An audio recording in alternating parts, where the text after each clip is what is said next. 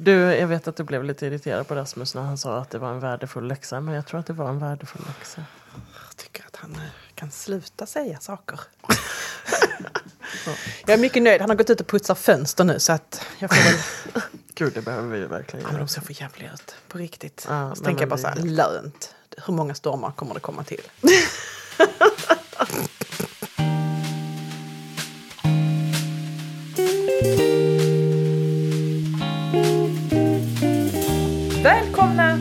Annorlandet. En podd om att välja ett liv på landet. Med allt det underbara, men också allt det skitjobbiga som det innebär. Stämmer den bonderomantiska drömmen? Ja, men det är det vi ska utforska i den här podden. Och ni kommer att träffa mig, Anna Lidbergius. Och mig, Anna Tenfelt. De två Annorna alltså. På landet. Annorlandet. Hej Anna! Hej Anna! Ah, jag blir så glad av att se dig. Detsamma, detsamma! Fin du är idag. Ja, tack detsamma. Mm. Tack, det är nog solen som lyser Ja, på vi oss sitter här och ja. glittrar ihop. Ja, underbart. Du, idag tänkte jag att vi skulle prata om blåa zoner. Det är jätteroligt. Jag hade inte hört talas om det här innan du och jag pratade om det. Nej. Nej, innan du sa, ska vi prata om detta Anna? Det här är jätteintressant. Ja, jag tycker att det är fascinerande. Det är otroligt fascinerande och särskilt när man inte visste ens att det fanns. Men- du, du får ju vara den som påar det här lite grann och berättar liksom initialt vad är en blå zon? Just det, okej då. Det var väl några forskare som satt och tittade på eh, vår befolkning runt om i världen och upptäckte att ja, men, hur kommer det sig att eh, folk blir äldre på vissa ställen? Och sen så började den då kika ännu närmare på det och eh, ritade in, ri, då ritade de på en världskarta med en blå kulspetspenna de geografiska områdena där det faktiskt var så att befolkningen blev äldre.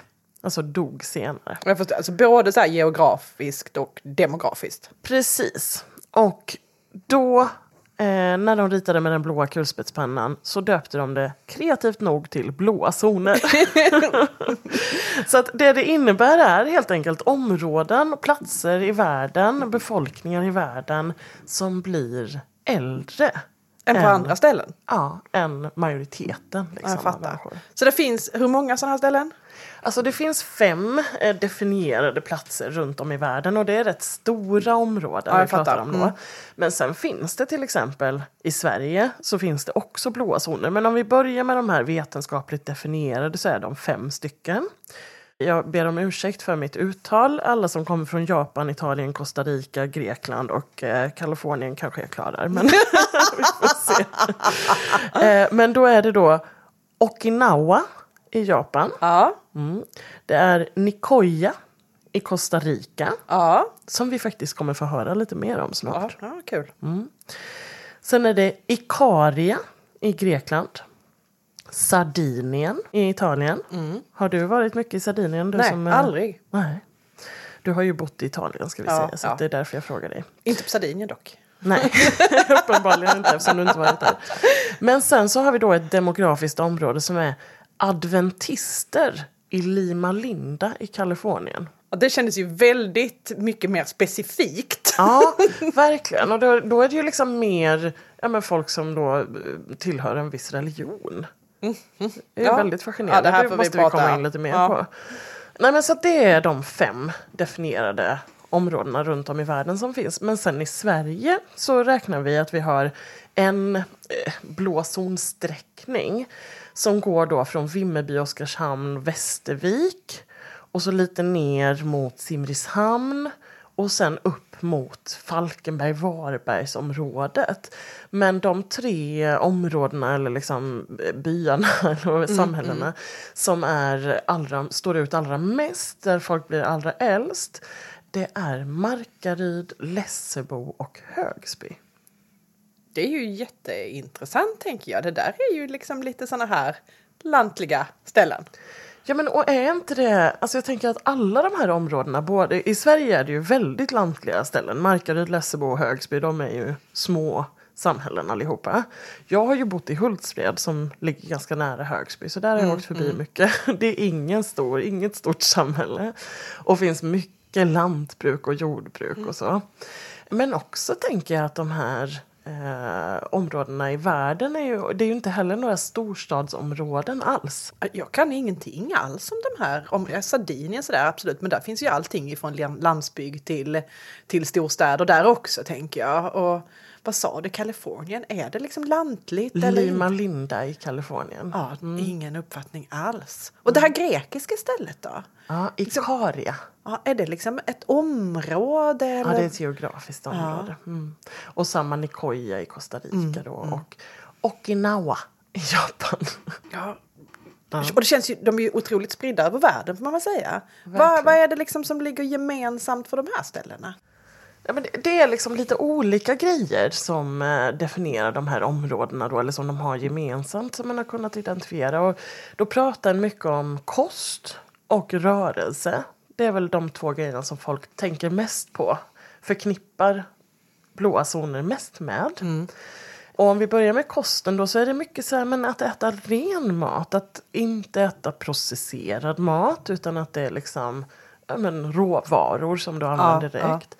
Ja. Men också att de äter väldigt mycket vegetariskt i de här områdena. Vad spännande. Mm, och så ganska lite spannmål och ja, men du vet, det är baserat mycket på baljväxter och sådär. Och det är ju lite, lite det som vi kallar medelhavskost kallar väl folk det eller? Ja det skulle man väl kunna tänka sig ändå. Mycket så här bönor och oljor och men absolut, men det är mycket bröd tänker jag. Och pasta. Mm. Aha. Gott. Ja. Det, det, är ju jättegott. Men sen tänker jag också då att, att det här är områden där en rör sig mycket fysiskt. Alltså inte högintensivt, inte så här, åh det här är områden där en tränar mycket, det mm. finns många gym, absolut inte så, utan rörelse i vardagen. Ja, jag förstår. Alltså mycket så fysisk aktivitet egentligen. Ja, kanske... och det kanske är lite så här, jag är ute och brukar min jord. Ja, framför att jag gick till gymmet. Ja, ja. precis. Mm. Så det är liksom två ja, men stora områden. Men sen tycker jag att det nästan blir ännu mer intressant. För att de andra två grejerna som är väldigt viktiga då i de blå zonerna det är socialt nätverk och en stark känsla av mål och mening i livet. Alltså det här, det tycker jag är roligt. För det är ju det du och jag pratar om i så mycket. Mm. Det här om att känna meningsfullhet i det man gör. Ja, precis. Och att det på något sätt ger oss en känsla av välbefinnande. Säger du här då att då finns det liksom en möjlighet att kombinerar man alla dessa sakerna så lever man mycket längre? Ja, det verkar ju som att forskningen säger det i alla fall. alltså, jag tänker vi, vi ehm, har ju precis som du säger haft en tro på det här ganska länge. Eller framför allt så kanske vi känner så här, ja men det är ju inte att kanske leva så länge som möjligt som är det viktigaste utan att ha så mycket liv som möjligt mm, i de mm. åren mm. en har. på något ja, men eller hur? Att vara lycklig liksom. Och då tänker jag att den här sociala samvaron och det här med att skapa meningsfullhet mm. i livet det är ju det som sätter den här guldkanten. Ja. Tänk mm. om det är ja, men något som faktiskt påverkar hälsan positivt. För tycker inte du att det är väldigt mycket fokus på så hälsosam mat och fysisk aktivitet när man pratar om hälsa? Absolut, och kanske mindre om livsnjuteriet. Och just det som du är inne på, att få vara i sammanhang som man mår riktigt bra i. Ja. Men det verkar ehm, eh, faktiskt vara någonting som är jätteviktigt i de här blåa zonerna. Tänk om vi kunde få prata med någon då som har fått uppleva en blå zon. Hade inte det varit en, eh, en liten kick? Nej men du, vad praktiskt att min syster då precis har kommit hem från en av de här blåa zonerna. Eh, Emma och eh, hennes familj de har ju precis varit en månad i Costa Rica. Ja. Nej men jag tänker vi ringer väl upp Emma och, och frågar hur de har haft det, om de har tagit med sig någonting hem. Ja, och om de kände någonting när de var där. Mm, ja, precis. Är det någon skillnad? Var, var det någon skillnad? Mm. Ja, vi ringer och kollar. ja. Annorna frågar. Någon annan?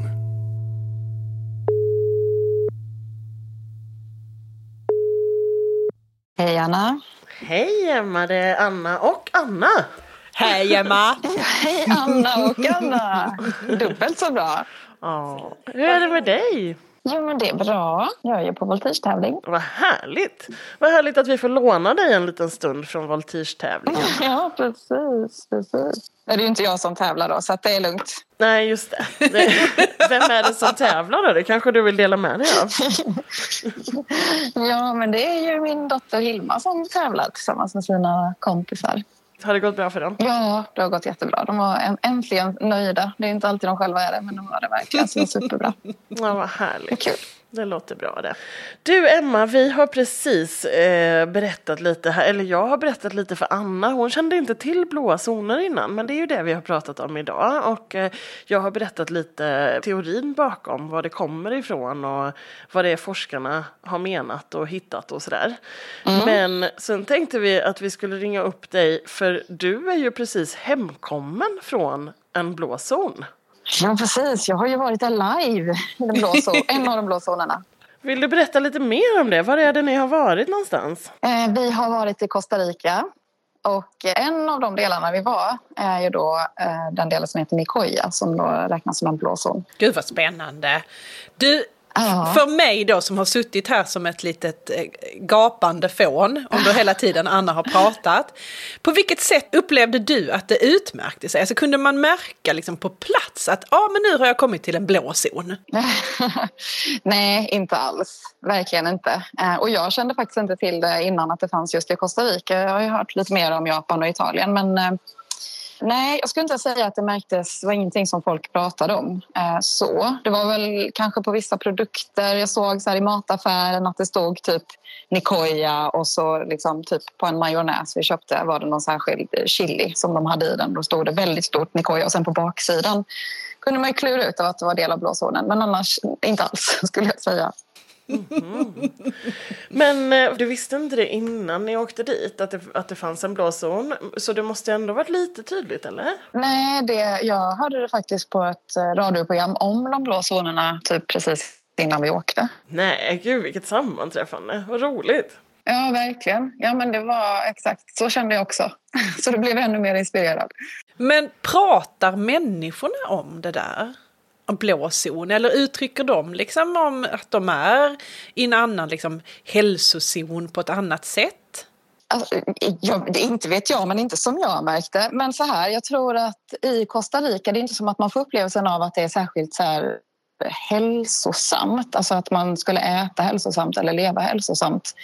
Om man liksom tänker på eh, vad man kanske generellt eh, räknar som hälsa är ju ofta så att man äter väldigt nyttigt till exempel. Det skulle jag inte säga att de gör. Ehm, utan de äter ju typ samma sak till lunch och, och middag och morgon och allting. Ehm, och det är inte jätterolig mat. Alltså det, är så här, det är ris och bönor och kanske något protein och lite pico de gallo. Det smakar väldigt likt allting hela tiden. Men däremot så det jag lärde mig i det här radioprogrammet som jag, som jag lyssnade på precis innan då, som inspirerade mig, det var ju att blåzonerna har man ju också förstått handlar så mycket mer om det vi äter. Att det handlar ju om hur vi lever livet men också inställningen till livet och meningsfullheten. Och det, det märkte jag väldigt påtagligt i Costa Rica. På vilket sätt då? De har ju en devis kan man säga som närmast är som en slogan för hela landet och som också är liksom någonting som alla eh, säger till dig. Och det är ett begrepp som heter pura vida. Och det betyder väl eh, lite generellt översatt, men vida betyder ju livet och pura är väl, eh, vad ska vi säga, livet är gött eller eh, livet är härligt i all sin enkelhet liksom. Vilket underbart uttryck. Ja, men eller hur, man kan ju inte annat än älska det. Som att man fattar det även om man inte fattar spanska riktigt liksom. Ja, jag förstår. Och det finns överallt. Alltså, som sagt, människor säger det. Det kan vara liksom en hälsning eller ett svar eller ett medskick till dig. Och det står på ölburkarna på den inhemska ölen. Och, och liksom, nej, men det är verkligen, och det är väl lite så det är. Alltså, så, som sagt, inte så här kännetecknande för hälsosamhet i sig utan kanske snarare så här att njuta livet och att göra det i all sin enkelhet. Det låter helt ljuvligt. Det är också spännande. Vi har varit inne lite grann på det här med, alltså för att jag tänker ofta när en pratar om blåa zoner eller liksom att bli äldre och leva hälsosamt och sådär. Eh, Generellt så pratar han ju ofta väldigt mycket om kosthållning och träning. Ja. Eh, och det är ju också två grejer som du är ganska intresserad av, eller hur? Både kost och träning. Men att det liksom behöver kompletteras. Mm, verkligen. Det är så lätt att man tänker att det bara är eh, hur man rör sig, eller att man rör sig, hur man rör sig och, och vad man äter. Och, jag menar, som du säger, det tycker jag är jätteviktigt personligen. Jag kan känna igen mig mycket i faktiskt de blå zonernas kost. Alltså jag äter mycket råvaror och nästan bara vegetariskt. Och, ehm, ja, men gillar också att ta ett glas vin eh, regelbundet och olivolja och sånt. Liksom. Ehm, så, att, så det känner jag igen mig i och också det att det är mycket rörelse och kanske varierad rörelse. Inte nödvändigtvis att det måste vara högintensivt utan kanske mera mycket lågintensivt och sådär. Men ehm, nej, jag tyckte det var en härlig ny dimension att förstå liksom hur viktigt det är med Eh, livssyn. Eh, någonting som, eh, som sagt i, i Costa Rica så pratar man om pura vida. Ehm, och det finns ju också i Japan pratar man mycket om ikigai. Och det är ju det här med meningsfullheten, alltså att hitta meningsfullheten i ditt liv eller liksom din, din mission och så. Det är någonting som jag själv utforskat de senaste par åren och känner verkligen att ja, det finns någonting så mycket större i det. Och där inspireras jag mycket av de jag mötte i Costa Rica. De är ju inte särskilt eh, så här karriärsträvande så, utan meningsfullheten för dem är väldigt mycket i det här att bara så här, ja men som sagt, pura vida, livet är gött. Alltså någonstans här, du vill ha mat på bordet, du vill ha en familj där alla mår bra och du har tak över huvudet. Men det måste inte nödvändigtvis vara något så här jättefancy liksom, eller så här, hela tiden sträva efter något mer. Så att det handlar nog mycket om att känna meningsfullheten i det man gör och också att eh, kanske inte stressa och pressa så himla mycket hela tiden. Det, det kan jag själv eh, verkligen jobba på. Jag vet inte om ni känner igen er i det. Ja, det låter helt ljuvligt. Jag tänker så här, när du har kommit hem nu, upplever du att de här tankarna, den här inspirationen du har fått, är det, är det applicerbart på det livet som du lever hemma? Ja, det är det absolut. Det är eh, självklart. Och så, det är väl så här, när man är ute och reser så är det så lätt att eh, hamna in i en, eh, någon slags lättsamhet. Liksom att, eh, eller i alla fall är det så för mig. Jag har lättare att ta dagen som den kommer och vara i nuet och så när jag är iväg och reser och liksom man inte har några kanske plikten eller måste eller rutiner och så. Men det blev väldigt påtagligt för mig när jag kom hem och jobb och vardag var i full gång. Och det var ju liksom inte så där jättehärlig tid på året. Ehm, mm. Att alla människor jag mötte var ganska negativa till livet och vädret. och det var väldigt påtagligt. Och då kände jag så här, ja just det, men jag vill behålla både den här energin jag har men också den här lite mer lättsamma inställningen. Så det försöker jag verkligen ha och har verkligen eh, fått jobba med i, eh, i lite olika krisiga lägen som har dykt upp. Liksom, där jag så här, okej, okay, nu kan jag välja perspektiv. Och det är ganska skönt. Man vill så här, tagga ner, se okej, okay, det är som det är. Låt oss se hur det utvecklas. Jag är, jag är här och gör det bästa av situationen. Liksom. Jag kan känna att jag personligen mår väldigt mycket bättre av den inställningen faktiskt. Gud vad härligt. Alltså jag tilltalas ju mycket av det här med den här prestigelösheten. Och samtidigt så upplever jag att alla vi tre, både du, Emma och jag och Anna, har ju liksom strävat mycket efter prestigefyllda saker i våra liv. Alltså vi har alla tre jobbat rätt hårt för våra karriärer till exempel och varit framgångsrika på, i olika områden av livet och det har funnits rätt mycket prestige på olika sätt. Och samtidigt så ju äldre en blir desto mer upplever i alla fall jag att prestigelösheten blir så viktig i att hitta lugnet och lyckan och liksom att vara tillfreds med tillvaron. Mm. Nej, men det är väl också, jag tänker att det kommer väl också med livserfarenhet att man inser att titlar eller ens vad jag gör är inte det som definierar mig. Eller det gör, det gör det varken roligare eller bättre, kanske snarare ibland tvärtom. Eh, och, eh, och när man börjar hitta den här magiska formen av att liksom, vad är det jag brinner för? Är, när är det jag mår bra? När är det jag inte bara utvecklar mig själv utan också andra får liksom det här det större att hända och utvecklas bara genom hur jag är. Genom att jag hittar den här eh, mitten i det jag tror på och verkligen brinner för och som jag är bra på naturligt. Eh, det finns något så fantastiskt i det. Och där någonstans kanske man närmar sig den här meningsfullheten som inte är då att man måste sträva utan kanske snarare bara vara mer av det som man redan har i sig. Du, när du och jag pratade innan, då nämnde du också någonting jag tyckte var så roligt. Det var någonting med att de eh, istället för att ta en massa läkemedel och sådär som vi gör i, i västvärlden, liksom, mm. att de, har mer naturmediciner. Kan du inte berätta det? Jo, men precis. Ja, men, och det var ju verkligen, jag tror så här, nej de pratar ju inte om vad de äter men det är kanske också för att de inte har så himla komplicerad syn på det som vi har. Att vi ska alltså olika dieter och, och vi, det är någonstans så tror jag vi, vi blir så här fokuserade på exakt vad det är, är det de äter. Är det det här eller det här? ja, precis. Man vill ha det färdiga receptet. Ja, men lite så. Exakt. Och så, så, vilket säger ganska mycket om vår liksom, lite komplexa inställning till allt detta. Nej, men eh, det var också en sak som inspirerade mig mycket. Att, eh, eh, jag pratade med en, en guide som vi hängde med en hel dag. Han, han lärde mig mycket om hur deras inställning till livet. Om vi körde förbi liksom ett mangoträd. Han bara, ja men här växer mangon. Den är inte mogen nu men när den är det då brukar vi ta den för det här och det här. Och liksom, han sa, ja, men doktorn om det är så att du har problem med njurarna eller liksom, ja, generellt nästan vad som helst, då rekommenderar de att dricka kokosvatten. Ja. Eh, eller typ, du ont i magen, men då äter man ju papaya. Alltså, så det var så väldigt, han radade upp en hel massa livsmedel, eller frukter framför allt. Jag kommer inte exakt ihåg vad som var vad nu. Men det var så här, man bara, ja men det är klart det är så. Och då så sa han också att, ja men ni i väst, ni bara komplicerar till det. Ni tar en massa piller som vitaminer och så här. När det bara finns runt omkring en. Sen samtidigt då har ju inte vi det tyvärr. Nej, det växer ju inte papayor runt, eh, runt oss hela tiden kanske. Det gör ju inte det. Jag hade ju älskat att äta mogen papaya. Men eh, nej, det finns ju inte så mycket. Jättespännande. Det här Emma som du beskriver, det låter ju lite grann som Costa Ricas svar på husmorstipsen. Ja, verkligen. Eller hur? Och någonstans var härligt också att läkarna har husmorstipsen. Liksom. Äh, konstla inte till det. Drick lite kokosvatten nu. Du Emma, idag, eh, du vet ju, du lyssnar ju också på podden. Och då vet du ju att vi brukar ha någonting i glasen som vi delar med oss av till våra lyssnare. Ja. Och idag så har ju jag såklart tagit med mig den här costaricanska rommen som jag och Henrik fick av er när ni kom hem. Så den ska vi prova idag. Och då tänker jag, har du något, det något speciellt du vill säga om den innan vi ska dricka den sen? Ehm, ja, jag kan säga en hel massa.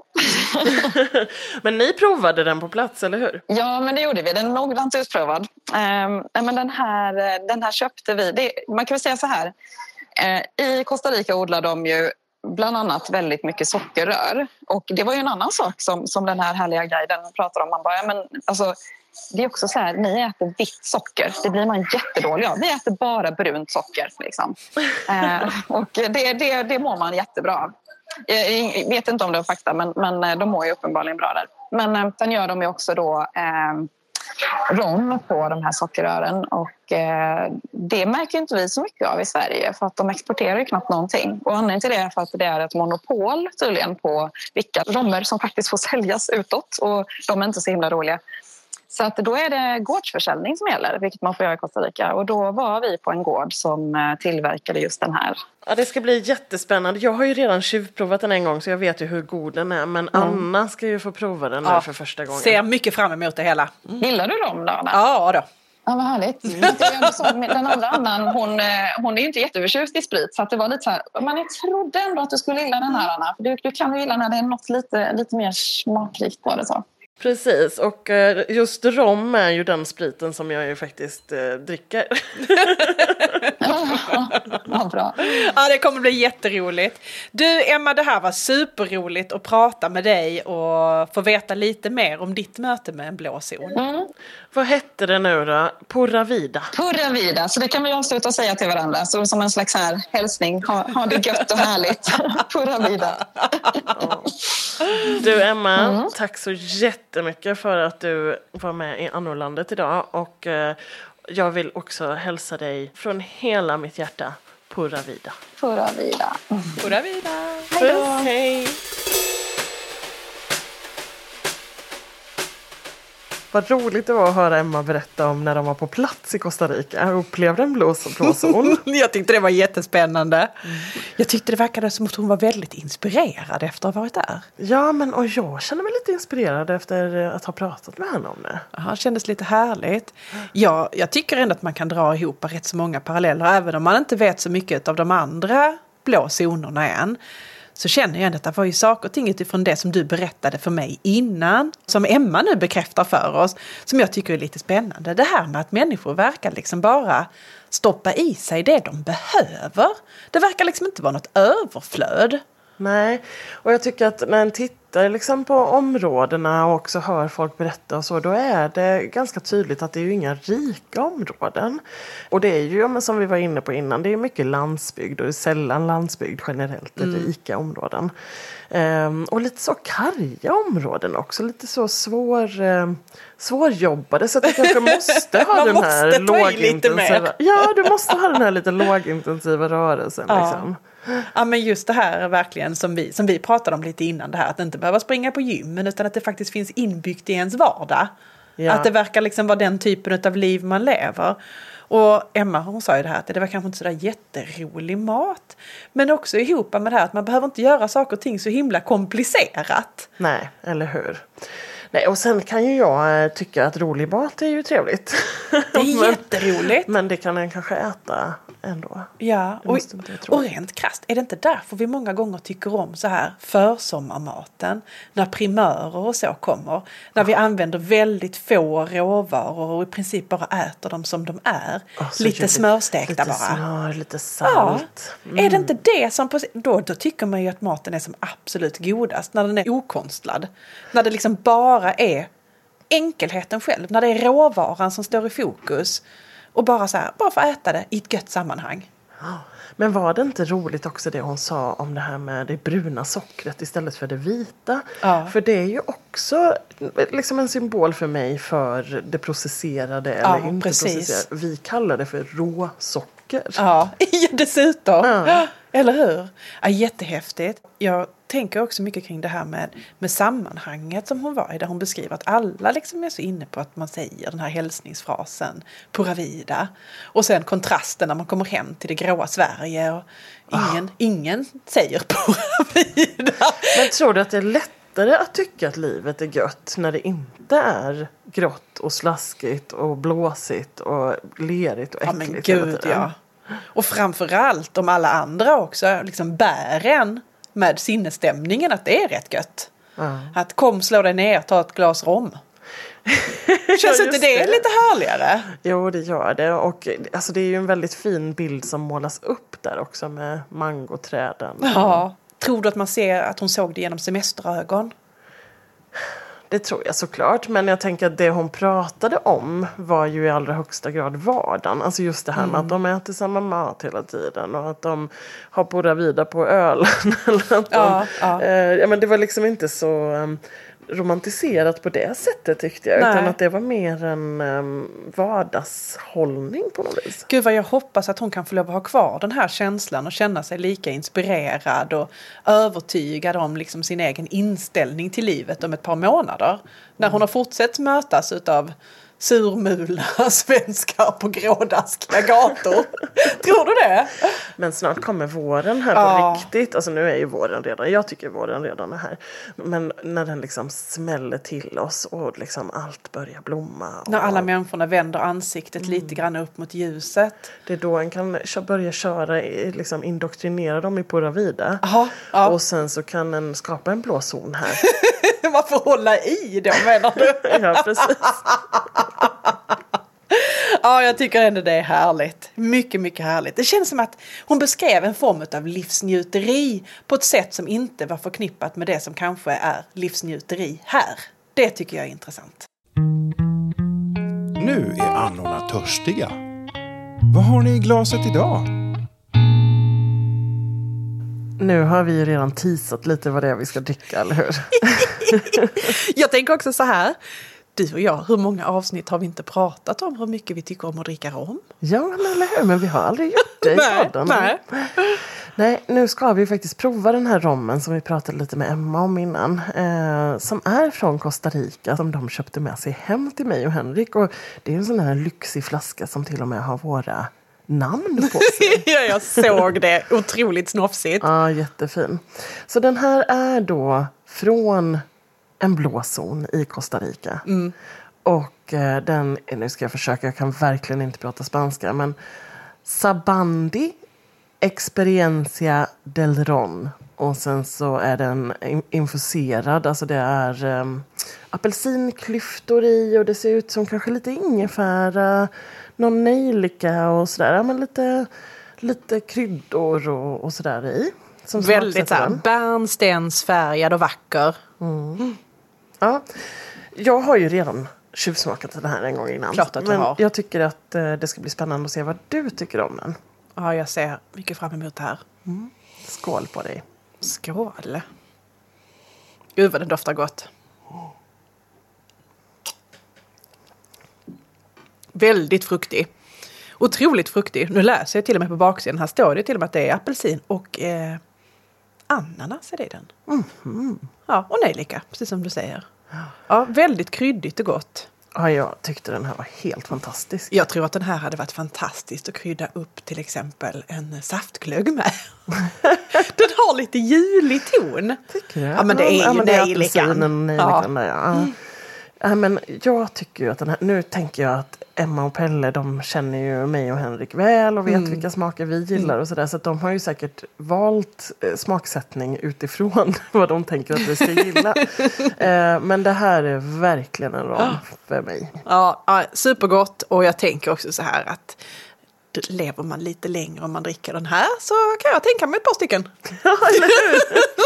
Ja, vi får nog ta en skål till på det Ja, jag tror det. Skål, skål! Skål.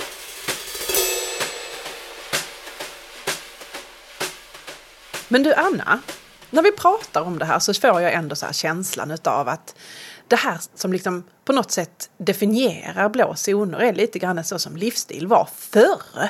Mm. Ja, men jag har också den känslan. Och det vi menar när vi säger förr är ju typ ett lantliv. Eller liksom ett, Ja, att, ja. att uh, bruka jorden och liksom. Ja men lite mer det här att leva i ett mer meningsfullt community. Det här att man måste ta, liksom, ta hjälp av sitt grannskap och mindre små samhällen. Känns meningsfullt allt man gör för man förstår vad ens egen arbetssats jackar i det nästas. Ja, och det var ju inte självvalt nödvändigtvis utan det var ju för att det inte fanns alternativ Nej, till det. precis, det gör det ju precis. verkligen idag. Men idag är det ju nästan som att du så himla aktivt måste välja en lantlig livsstil snarare än eh, det, det som jag i alla fall tänker är det mest naturliga Ja, för folk ja. som är att bo i en större stad. Ja men jag håller med. Det som skiljer sig kanske mot förr då det är ju att ja, men folk levde ju inte längre för att de levde så här förr. Nej, men det tänker jag mer har det, det tänker jag nog mer har att göra med att, eh, att vi har utvecklat sjukvård. Och Man kan ju liksom, hoppas. Ja, att vi har skapat ja, att vi inte sliter på våra kroppar Mm, på samma sätt och så.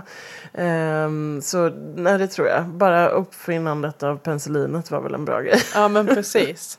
Men jag tänker ju också så här att vi pratar om du säger sjukvården. Jag undrar liksom om alla de här ställena vi pratar liksom som i Costa Rica. Liksom hur, hur utbredd är en bra sjukvård som når alla? Nej, Vad men tänker du? Emma pratade ju lite om att eh, om en eh, hade ont i huvudet så skulle en äta någon frukt eller vad var det? Lite papaya var bra för allt eller vad det nu var. Ja. Mm, nej, men jag håller med. Och så är det kanske. Sen tänker jag, jag tycker det är rätt så intressant för, för dig och mig utifrån att vi faktiskt, som du säger, vi har valt aktivt det här livet.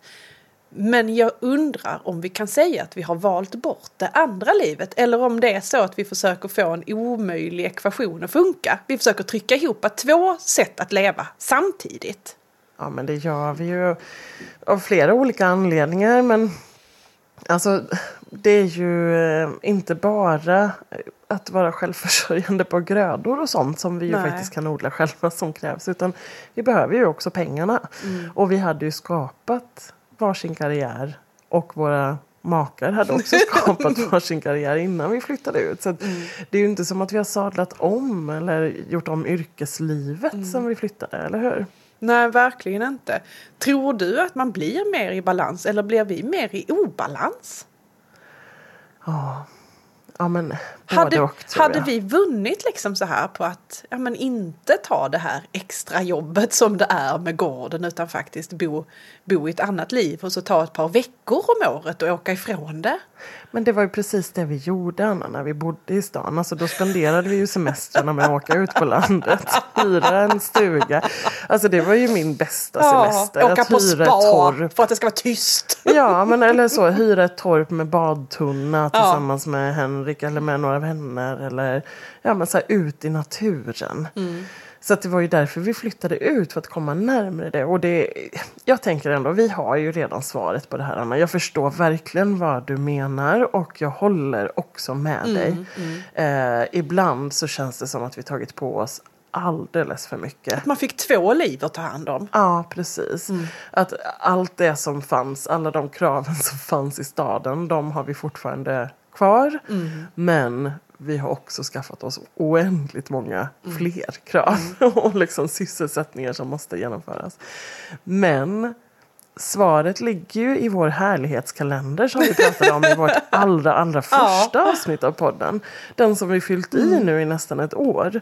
Och svaret är ju att vår livskvalitet faktiskt har ökat om man ser till helheten. Sen tror jag vi har haft en, vi har haft en tuff höst och vinter och liksom Ja, ja. början av vår. Riktigt, riktigt tufft har det varit, eller hur? Ja, men jag håller med. Och jag kanske inte kan tänka mig att vår livsstil kommer att göra att vi eh, lever längre som man skulle göra en blåzon. Det tror jag inte. Men jag tror också att ibland så får man också fundera på det här. Är det längden på livet man vill åt eller är det kvaliteten i livet man vill åt? Ja. Och där tror jag ju att hade vi inte flyttat ut så hade vi inte fått den här kvaliteten som vi får. Det upplever jag ju verkligen. Ja. Sen, alltså jag och Henrik har ju, säger ju alltid att vi ska bli 700 år. Eh, Ja, hur ska man hinna allt eh, då annars? får vi ju bo i en blå zon helt Ja. enkelt. Mm. Eller så får vi se till att vi skaffar vår egen blåzon. Ja, det får vi göra. Ja, jag, tänker, eh, jag tänker att efter idag så ska jag ta med mig det här som Emma pratade om, det pura vida. Alltså verkligen försöka applicera det på fler ställen i mitt eget liv. Att vara mer nöjd och tillfreds. Ja. Ja, Vi kanske ska börja hälsa på varandra också med Pura Vida, Anna. ja i alla fall genom att dricka lite rom. Ja, det låter bra. Ja. Nej, men det är um, okej. Vi, vi hoppas att Emma, liksom om ett halvår när vi kommer tillbaka till samtalet med henne, att hon fortfarande har, lever lite på vida. Mm. Men också att vi själva gör det. Ja, det tycker jag med. Du, stort tack för idag Anna. Och stort tack till er som lyssnar.